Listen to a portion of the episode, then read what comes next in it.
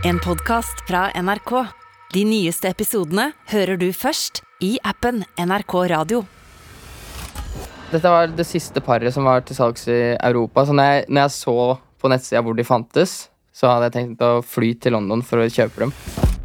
Har du lyst til å bli rik? Sånn skikkelig rik? Så rik at du ikke trenger å tenke på penger noen gang igjen? I Millionærhjerne skal jeg snakke med unge millionærer for å høre hva de har gjort, og hvordan de tenker for å tjene masse. Hvis alle låtene, alle de 500 låtene går så dårlig som den aller dårligste, så er det fortsatt nok til å leve av resten av livet, da. Dette er Mikkel Kristiansen. Han er 30 år og har tjent seg søkkrik på party- og russemusikk, konserter og millioner av streams som en del av Broiler. For pengene han har tjent, har han kjøpt seg en gigantisk mansion i Mjøndalen og heftige sportsbiler som McLaren, Porsche og Lamborghini. Selv så mener han at oppskriften på å tjene penger og få suksess er enkel. Jeg heter Kristian Strand, og du hører på Millionærhjerne.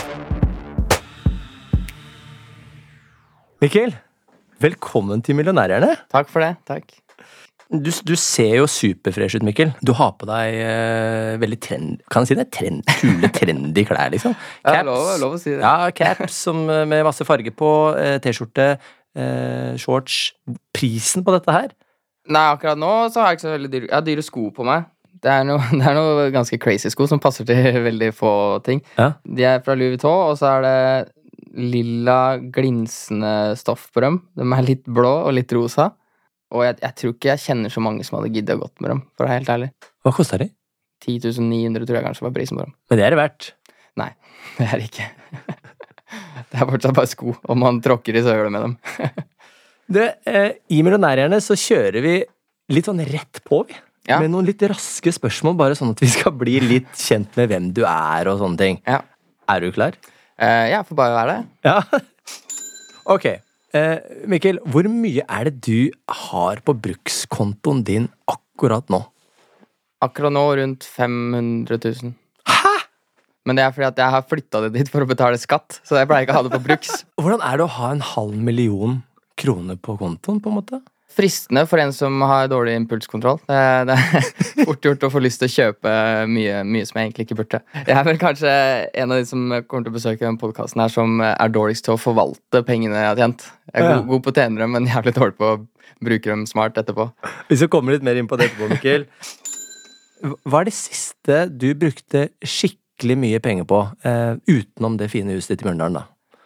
Nei, jeg, jeg har jo ganske mange dumme, dumme kjøp som, eh, som har kosta meg ganske mye. Eh, Det som ofte koster mest, er hvis jeg gjør dumme bilkjøp og må reparere de, og sånne ting. Ja. Eh, Så det, det som har pågått en stund nå, som har kosta meg mest, er en, en bil jeg kjøpte for 550 000, Ja. som nå har kosta meg totalt 2,1 millioner. Hva slags bil er dette? Det er en Porsche, en gammel Porsche. Ja. Så det, det er mest fordi at jeg har lidenskap for det og, og syns det er gøy å, øh, å oppdatere den, liksom. Eller lage den fin, da. Hva er det rareste du har brukt penger på noen gang? Eh, snøfreser som man sitter oppå.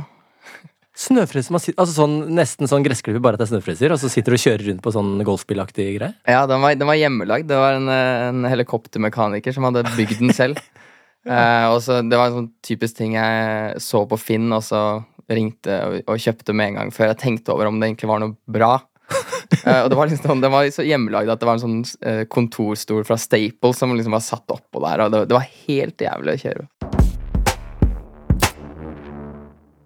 Hvis vi skal prøve å trekke oss litt tilbake til musikken og hvordan dette her starta altså, Du har jo hatt hits som har spilt, blitt spilt av millioner av, av ganger, enten om det er Wild Eyes, Race of Light og tidligere Afterski og, og Vannski. Mm. Hvordan er det du tjener så sykt mye penger på å lage musikk? En god porsjon flaks oppi det hele. Jeg tror jeg eh, for min, for min del var, var tilfellet at uh, når vi starta med, med broiler, så traff vi en veldig riktig bølge av uh, delingsvilje, hvis du kan kalle det det, på Facebook. Ok, folk delte musikken. Ja, det var uh, Første døgnet ble linken til låta delt sånn 10 000 ganger. Det skjer ikke lenger, fordi folk er litt mer forsiktige med hva de deler. Ikke fordi de er redd for å dele feil ting, men bare sånn Det er ikke så, det er ikke så kult da, å dele ting lenger. Nei. Og så mm, har vi hatt veldig flaks. Vi har hatt et management som i tillegg til å ha managementet for oss, så arrangerer de masse festivaler. Så de plasserte oss på de festivalene de selv arrangerte, Mm. På gode plasseringer, som gjorde at andre festivaler så det her og ville betale mye for uh, at Broiler skulle spille. da. Ja. Altså, vi, vi prøvde å lage den beste festen du kunne ha. da, At eh, det var det som var målet med Broiler. Ja, Var det tanken eller konseptet dere hadde? At dere skulle være festkongene, på en måte? Ja, ja. Etter hvert som, som folk skjønte at det alltid ble fest når Broiler spilte, så klarte vi å alt, alltid få en god bookingpris, da. Mm. Eh, selv om vi ikke nødvendigvis hadde en hit på radioen, så fikk vi fortsatt bra betalt for spillejobber fordi det solgte mye billetter for arrangørene.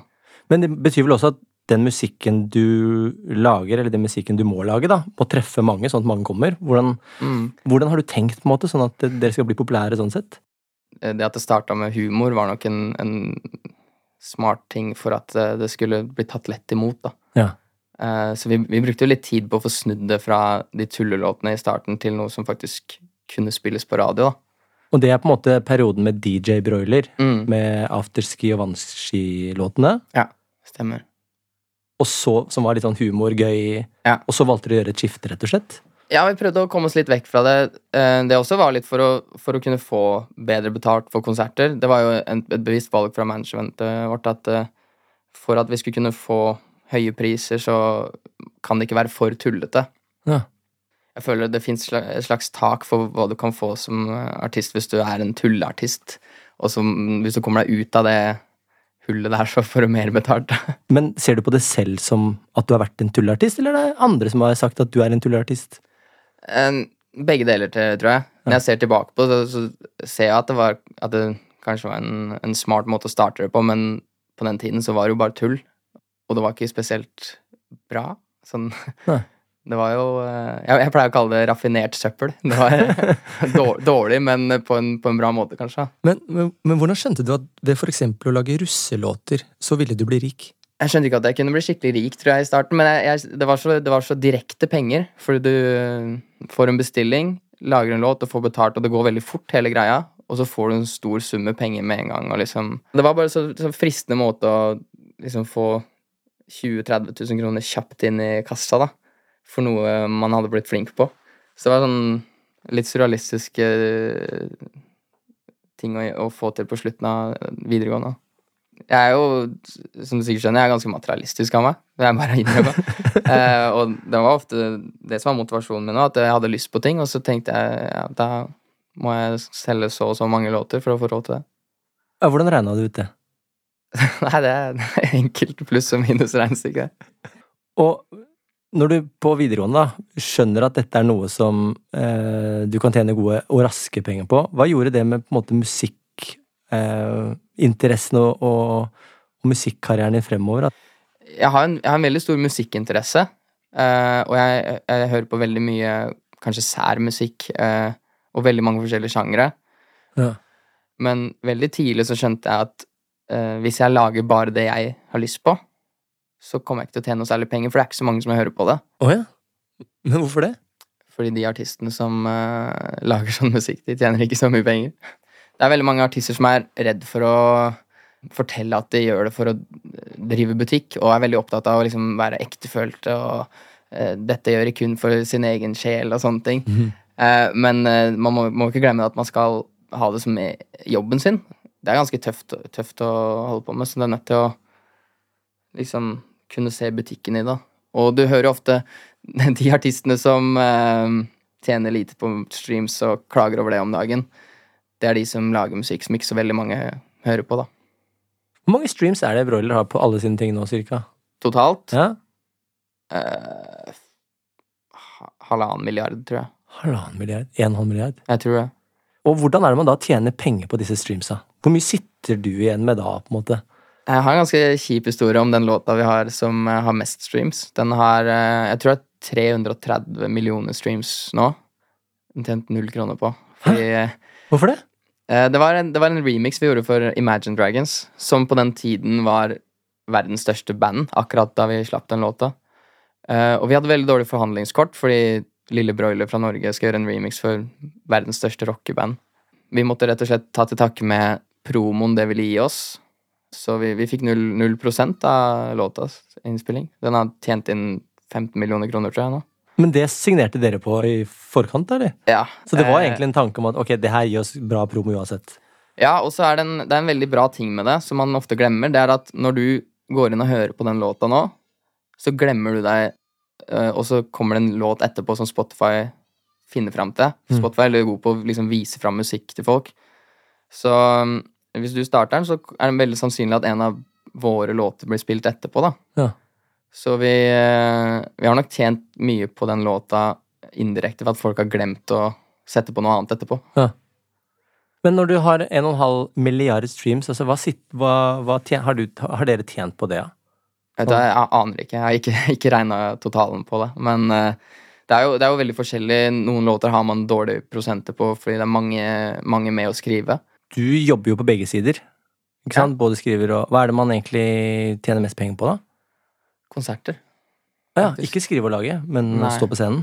Men de som, eh, de som skriver og lager musikk for andre og gjør det som en hverdagsjobb, de, de vil jo tjene mye penger etter hvert, for de bygger seg opp en kjempestor katalog med låter som tikker inn bitte litt hele tida. Ja. Og til slutt så får du så sykt mange at det bare blir en, en veldig stor inntekt av det, som er veldig solid. Den, den går ikke så mye opp og ned, for den, det er masse låter som tikker og går. da. Ja. Så det er en veldig trygg inntekt, men da avhenger det av at du jobber med det hele året. da. Ja. Jeg jobber jo med en eh, som driver med sånne ting. Skriver litt musikk for andre. Og han Jeg tror han skriver én låt hver dag i året i gjennomsnitt. Det blir det butikk av. Ja, Og si halvparten av dem blir plassert et eller annet bra sted, så blir det god butikk. Og så er det jo en, det er jo en veldig det, det som er greit å si, det er en veldig trygg ting å føle på det med musikk. Fordi hvis jeg stopper jobb i dag, så kommer jeg fortsatt til å tjene penger en god del år etterpå fordi folk fortsetter å streame musikk. Kan hvem som helst legge ut musikk på, på Spotify, og så tjene penger på det, eller hvordan funker det? Nå om dagen så kan man det, fordi eh, det fins firmaer på, på nettet som distribuerer musikk for deg, så du slipper å være avhengig av platekontrakt, sånn som man trengte før. Ja. Eh, så det, det fins sånne nettsider som DistroKid og TuneCore, som du betaler jeg tror det er en hundrings så for å gi ut musikken din. ja, Så du laster den opp til dem, da, og så hjelper de deg inn på Spotify? Ja, de, de sender den inn til Spotify, så det tar, det tar faktisk litt tid. Det er en sånn veldig rar ting at, at det tar litt tid å få ut ting på Spotify, men det tar gjerne en uke eller to, da. Hvor, hvor mye får man egentlig for streams på Spotify? Da jeg begynte med russelåter, så var en million streams rundt 75 000 kroner. Nå så er det 40-45. Mm. Hvis du har en deal med et plateselskap som gir ut musikken for deg, så tar de en cut av det. Så det er ikke så mye å tjene på en million streams, da. Nei, det er, det er, det er som jeg sier, at uh, det er det store Det store mangfoldet av låter som gjør at det blir penger av det etter hvert. Da. Det handler om å få en stor total. Da. Hvor mye tjener du sånn cirka i måneden nå på alle låtene som ligger ute på Spotify? 100 150 000 Og med alt annet oppå der, da? eh, i måneden. Mhm. 200 250 000 totalt.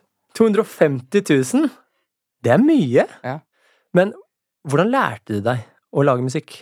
Jeg starta vel med at jeg, jeg fikk et sånt musikkprogram uh, i gave av onkelen min, tror jeg. Eh, jeg husker ikke hvor gammel jeg var da, men det var sånn jeg gikk på ungdomsskolen, tror jeg. Som jeg bare liksom lekte med, og det var min type gaming, da. Så jeg brukte mye tid på å lage musikk, da. Det var gøy, og eh, f- Og før det så hadde jeg spilt i rockeband, så oh, ja. egentlig der musikk kommer fra, da. Så um, ja. Nei, det var- hvordan lærte du å bruke det programmet? og- Egentlig fra bare prøve ting, for på den tiden så var det ikke så mye sånn YouTube tutorials og sånne ting. På et senere tidspunkt, rett før jeg begynte å lage russelåter, så um, prøvde jeg på en måte ofte å etterligne andre låter. Hvis jeg klarte å lage lydene i min låt så lik som Avicii som mulig, Mhm. så um, visste jeg hvordan han lagde låter. Hvis Ja. du skjønner? Men hvordan gjorde du det? Hørte du mye på Avicii, og så Jeg skjønte å- du at ok, hvis jeg trykker her, trykker her, skrur sånn, skrur Ja. sånn Bare, bare skrudde meg fram til det låt ganske likt. Hver lyd delte opp, da, hvis du skjønner.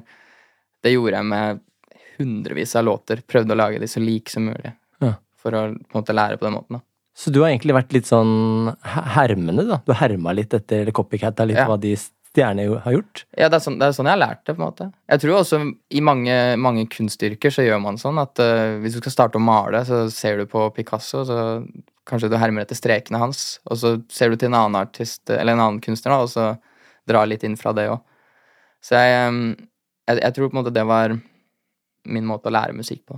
Men du har jo valgt å herme etter, eller se til en som har tjent eh, millioner av kroner, da. Avicii. En av de virkelig store innenfor EDM-sjangeren, da. Kunne du Var det også litt sånn tanken at ok, han er sinnssykt suksessfull, og han spiller for millioner av mennesker og har millioner av streams, og ikke minst tjener bøttevis. Var Mm. det en motivasjon samtidig, eller? Når jeg gjorde akkurat det, så, så gjorde jeg nok fordi at jeg likte musikken hans. Men øh, da jeg lagde russelåter, eller begynte med det, så var det utelukkende for å tjene penger, liksom. Det har liksom alltid vært en butikk for min del, så det, er Ja, der for- jeg har sett det økonomiske, da. Men um, hvis vi skal gå uh, i forhold til når du startet med musikken, da, også hvordan um, Du fikk jo da et lydutstyr eller program, program av, onkelen din. Mm. Men så veien videre, altså lagde du ditt eget studio hjemme, eller hvordan fikk du liksom dette her opp å stå til å bli noe som du Eh, ja, i, starten så hadde vi en skikkelig skitten setup i kjelleren til, til Simen, som ehm, han, hadde, han hadde jo fått tak i noen sånne eggekartonger som vi hadde brukt som lydisolering og sånn inni vokalboksen, og en dårlig mikrofon. Jeg tror jeg tror, lurer på om den var stjålet, den mikrofonen. Det var noen som hadde stjålet fra sånn der kulturskole. et eller annet sted. Eh, så den hang i taket der, og det var dritlavt under taket. Ingen kunne stå oppreist der. Og det som var eh, skikkelig shabby da, var at eh, kloakkrøret fra dassen i andre etasje gikk akkurat forbi mikrofonen. Så vi passa på ikke Hvis noen var på do, da, så passa vi på å ta opptak eh, mellom når det ble trukket ned. Så du måtte rope opp, da. Nei, ikke gå på do! Ja, eller hvis, hvis noen trakk ned når vi tok opp, så måtte vi ta det to ganger, da. Og eh, til en dag i dag så bruker jeg samme merke som jeg, som jeg brukte i starten, og det er liksom kjent for å være skikkelig drittmerke på høyttalere. Så fordi jeg, jeg, jeg har ikke helt eh, Jeg har aldri helt hatt troa på at bra lyddesign er det som lager en bra låt. Nei. Det finnes så mange eksempler på store, store låter i historien som er ganske ræva tatt opp. eh, som er, har dårlig lydkvalitet. I introen på en Pink Floyd-låt så er det en fyr som hoster, liksom. Det er ingen som har giddet å klippe vekk det, for det er, det er en bra låt. Og det, det er ikke det som avgjør om folk kommer til å høre på det. Men men det, det jeg hele tiden ser etter i disse forskjellige tingene, er at eh, jeg vil høre en hit ganske fort. Men hvordan hører man det? Nei, det tror jeg var en feeling du får. Men eh, erfaringsmessig så har det vært sånn at eh, de låtene du lærer deg veldig fort å høre på, eh, de er jo gode, gode låter. Og sånn har det vært når jeg har produsert òg. Hvis, hvis jeg har kommet på melodier veldig fort, eller eh, eh, kommet på tekst eller liksom, hvis, hvis det kommer veldig fort til deg, så kommer det også til å komme fort til lytteren. Og det fester seg lettere. Så den, den låta vi har laget som har flest streams, den tok tre timer å lage, og melodien var det aldri noe tvil om hvordan det skulle være. Hvis du skjønner? Kan vi få høre hvilken det er?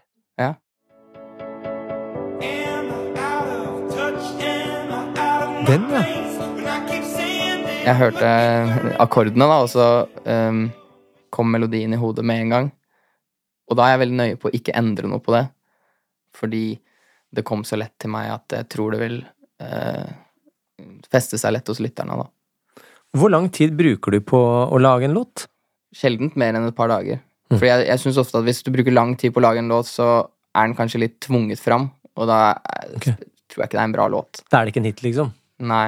Men eh, jeg, har, jeg har et godt eksempel på en som tok ganske kort tid å lage, hvor eh, jeg var i studio med han eh, typen til Martin Lunde. Også, som jeg ofte gjør, da, så tar jeg lydopptak hele tida for å bare minne meg selv på ideer og sånne ting.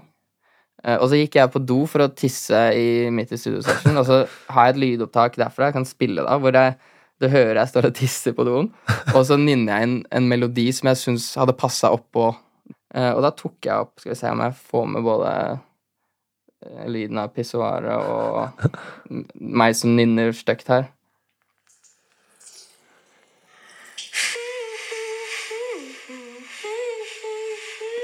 Så veldig surt og stygt, men det som var gøy med akkurat den låta der, var at uh, det lydklippet endte med å bli det vi faktisk brukte i låta som kom ut. Så Vi gadd ikke spille det inn på nytt. Ja, så uh, Her er det litt mer prosessert og med autotune på, for det sang er veldig surt. Men uh, dette er sånn det låt til slutt.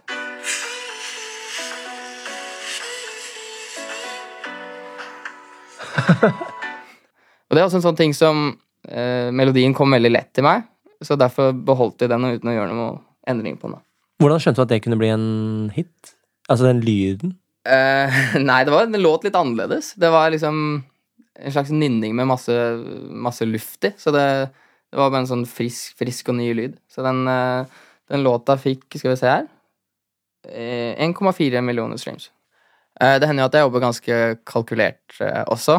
Eh, jeg har en, en eh, morsom historie på det hvor eh, eh, jeg var på Stavkroa i Hemsedal, og så eh, hørte jeg noen jenter eh, satt og sang en slags sånn der drikkechant oppå en annen låt. Mhm. Hvem vil ha drikke nå? Alle vil ha drikke. Altså, det var sånn der, eh, eller de, de pekte på den som skulle få drikke, da. Jeg syntes det låt så fett.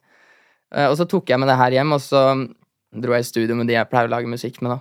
Og så tenkte jeg hvor fett hadde det vært om vi lagde sykt mange låter med alle navna som er populære, da. Eh, Ja. Så det vi bestemte oss for, var først 100 låter hvor eh, alle låtene var nesten like, men navnet i hver låt var forskjellig. Så det, den gikk sånn Hvem vil ha drikke nå? Julie vil ha drikke nå. Og så, så det, det vi gjorde, da, at vi, vi gikk til eh, eh, SSB for å finne navnestatistikken fra jeg tror det var år 2000, ja, de som var født i år 2000. Ja, mest populære, liksom? Så vi tok de mest populære jentenavnene fra år 2000. Og så, For det var de som var mest på fylla når, når det her skulle komme ut. da Ja. Midt i 19-20-årsalderen, liksom. Det som var smart med det, var at eh, vi oppfordra folk til å legge uh, navna til alle disse jentene i spillelista si for kvelden. Ja. Så i stedet for å få én stream på én låt, så fikk du sånn hver gang noen skulle ha drikke, så Ja. fikk du en ny stream. Så hvis hele jentegjengen var der, med, Ja. så putta alle navnene inn Så det er ti jenter, da, og så skal alle ha drikke tre ganger, så er det 30 streams, da. Men du, eh, når du, når du skriver låter, så har du jo på en måte beveget deg fra å skrive enkle partylåter, eller tullehumorlåter, da, Mm. med tekster som har jo vært litt sånn, spesielt mot en ung målgruppe, da, Mm. vært litt på kanten. Veldig. Og det er jo også noe man eh, Som man har hatt med sånn i, i kritikken av russelåter og kritikken av tidlig broiler og sånn. Mm. Har du tenkt noe på det i forhold til at du har tjent mye penger på akkurat den målgruppa òg, med den type låter, eller? Ikke sånn at jeg har dårlig samvittighet for det, men øh, når jeg tenker tilbake på det vi skrev i de første Broiler-låtene, så Hva har du skrevet om da? Altså Hva slags type linjer, liksom? Eh, Det var mye sånn der eh, som handla om eh, Altså, dette handla om en, en bolekarakter da, som bola seg og tok dop og liksom dårlig kvinnesyn og sånne ting. Mm.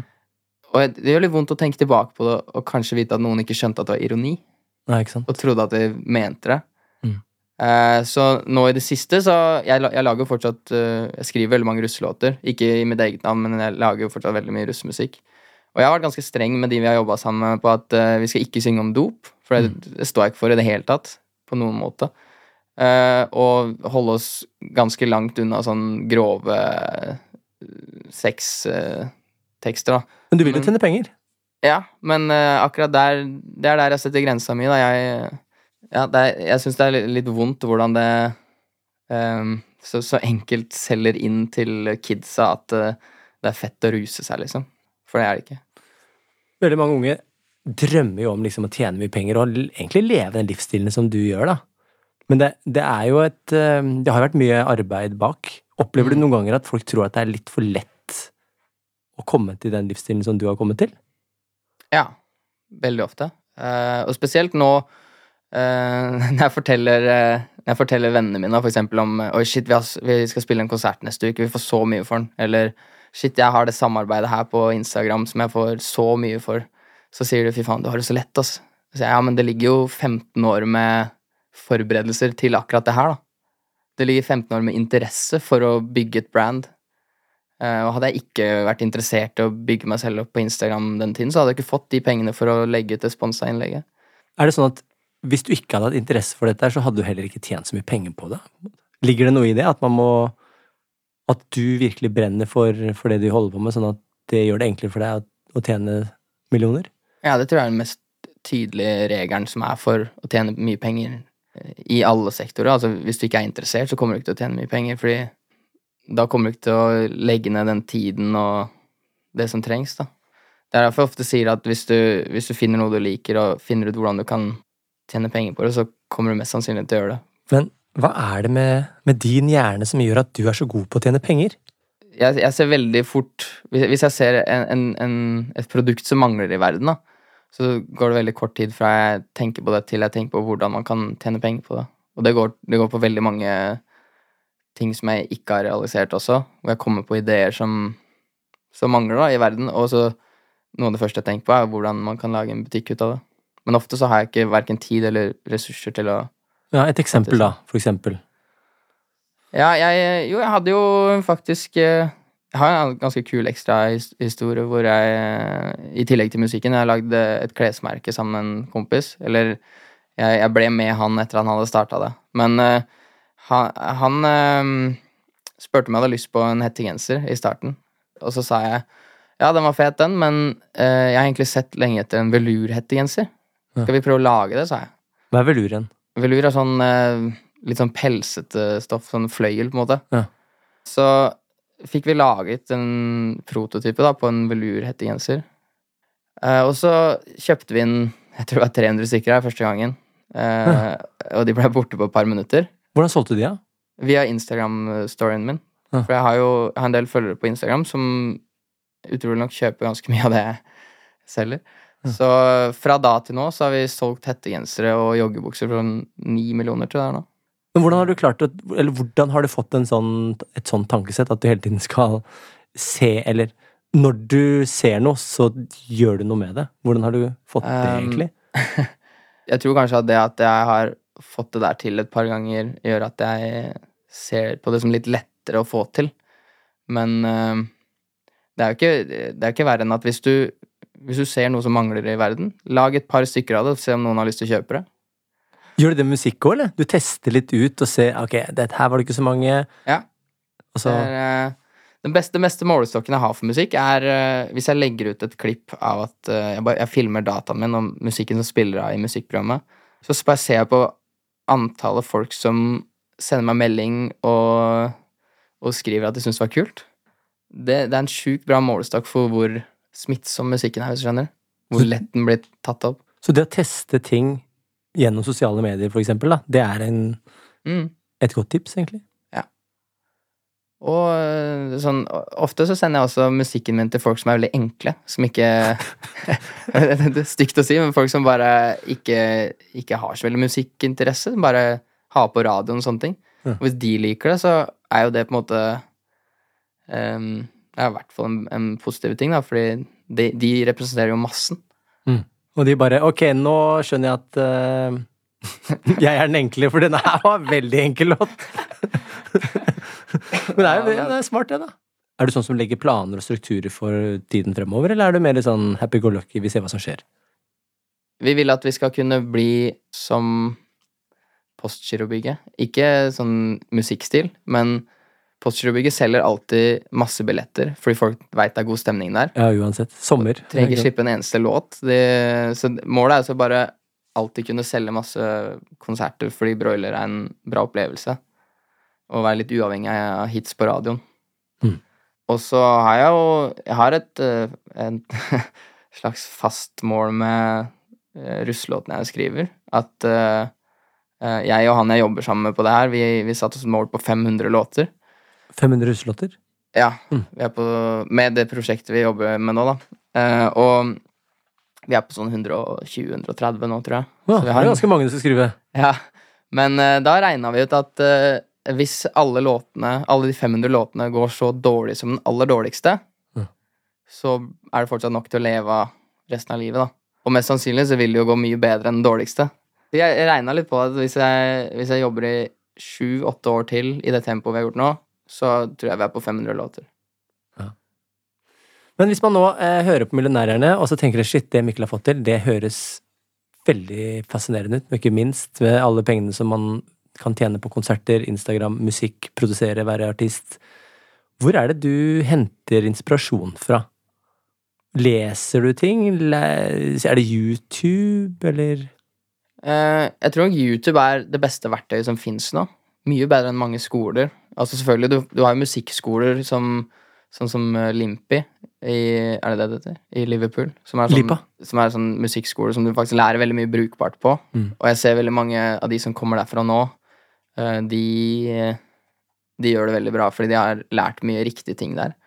Men jeg tror fortsatt YouTube er det aller viktigste verktøyet for alt du har lyst til å lære deg. Men hva er det du søker? Et tips nå. Hvor skal, du, hvor skal de søke nå? Er det noen kanaler der, eller er det noen spesielle folk? Hvis du vil lage musikk, så, så vil jeg søkt 'How to make' også den låta du syns er fet om dagen. Fordi mest sannsynlig har noen laget en tutorial-video på hvordan man lager akkurat den lyden. How to make wild eyes. Ja, jeg vet ikke om akkurat det fins, men uh, kanskje jeg skal lage en sånn video for folk. Mhm. Men, eh, men uh, jeg ser at uh, den dybden tutorials går i nå i musikk, gjør at du kan følge det slavisk, og rett og slett ende opp med en låt som låter i bransjestandard, da, som låter bra. Og det selv om du ikke kan spille piano, egentlig? Altså du er helt sånn newbie? Ja, for det, det du gjør da, er at du, du, lærer, du, du følger en slags øh, oppskrift som å bygge Lego, da. Steg for steg. Hvordan lager du den nye låta til David Getta? Mm. Eh, og da er det da produsenter som har laget eh, alle disse stegene sånn at du skal få lydene så like som mulig og sånne ting. Og hvis du gjør det med mange nok låter, så lærer du jo å lage musikk uten at du egentlig merker det. Bare at du lager noen andres melodier og sånne ting, da. Men hvis man har lyst til å starte med musikk, må man ha masse utstyr og studio hele pakka, eller? Nei, ikke i det hele tatt. Eh, Det handler jo mye om at du skal kunne klare å skrive gode låter og liksom, eller lage fine melodier, så du kan jo også bare få tak i gammelt piano som noen vil gi bort. Men eh, hvis du skal lage elektronisk musikk, så, så hender det at uh, du bare bruker den dataen Eller du kan bruke den dataen du har, da, som om det er en skole-PC, så funker det, liksom. Uh, og så fins det masse gratis musikkprogrammer. Så um, du har jo sånn som uh, GarageBand fra Apple, tror jeg, Mm. som du kan lage musikk med. Eh, også demoversjoner av alle mer uh, kompliserte programmer får du tak i. Uh, og av høyttalere, så bare bruk et eller annet du har hjemme. Det, det funker jo, det. Eh, skal du ta opp vokaler, så lån en mikrofon av noen, eller bruk den på iPhone. Den er ganske bra da. Eller ja, på telefonen eller noe sånt. Og for å tjene skikkelig mye penger, hva bør man starte med å gjøre da? Eh, for å tjene mye på det, så må du nok bare holde på en, eh, en god stund til du finner noe som folk syns er eh, spennende å høre på. Et godt eksempel nå er Balenciaga, som er liksom en av Norges største artister nå. Jeg vet ikke hvor mange låter jeg har sluppet, men jeg tror nesten det er 100 stykker. Og så plutselig så sitter det. Så eh, de, de er et godt eksempel på at du står på lenge, og så plutselig får du en hit. Og da ser du at den bruker det momentet helt sjukt riktig og gir ut låter kjapt etter hverandre med gjesteartister og, og sånne ting for å få For å bruke det derre smellet de fikk, da. Tror du hvem som helst kan få til det som du har fått til? Ja, det tror jeg. Men jeg tror løypa er eh, litt tyngre akkurat nå. Man må være mer forberedt på konkurranse. Fordi da vi starta med musikk, så eh, fantes det kanskje ja, en tiendedel av så mange populære artister det finnes nå. Så interessen for hver artist har kanskje sunket litt, så du må gjøre mer for å stikke deg fram, og du må jobbe hardere for å øh, være synlig. Fordi det er øh, Det er helt haisommer, liksom, i musikkbransjen. Det, er, det er mye folk som øh, Eller mange om beinet, som man sier, da. Det er mange som øh, vil opp og fram. Så det er nok litt tyngre nå, men jeg, jeg tror det er fullt mulig. Og det, man ser det ofte nå, at det kommer opp artister som, som er helt nye hele tida. Du, Mikkel, det var veldig hyggelig å få tappe inn i millionærhjernen din. Ja, Ja. greit. Ha det! Ja da. Tusen takk for at du hørte på Millionærhjerne, og så håper jeg at du har blitt like inspirert, og ikke minst motivert som det jeg har blitt nå. Og dere, husk at dere alltid finner de nyeste episodene av Millionærerne først i appen NRK Radio.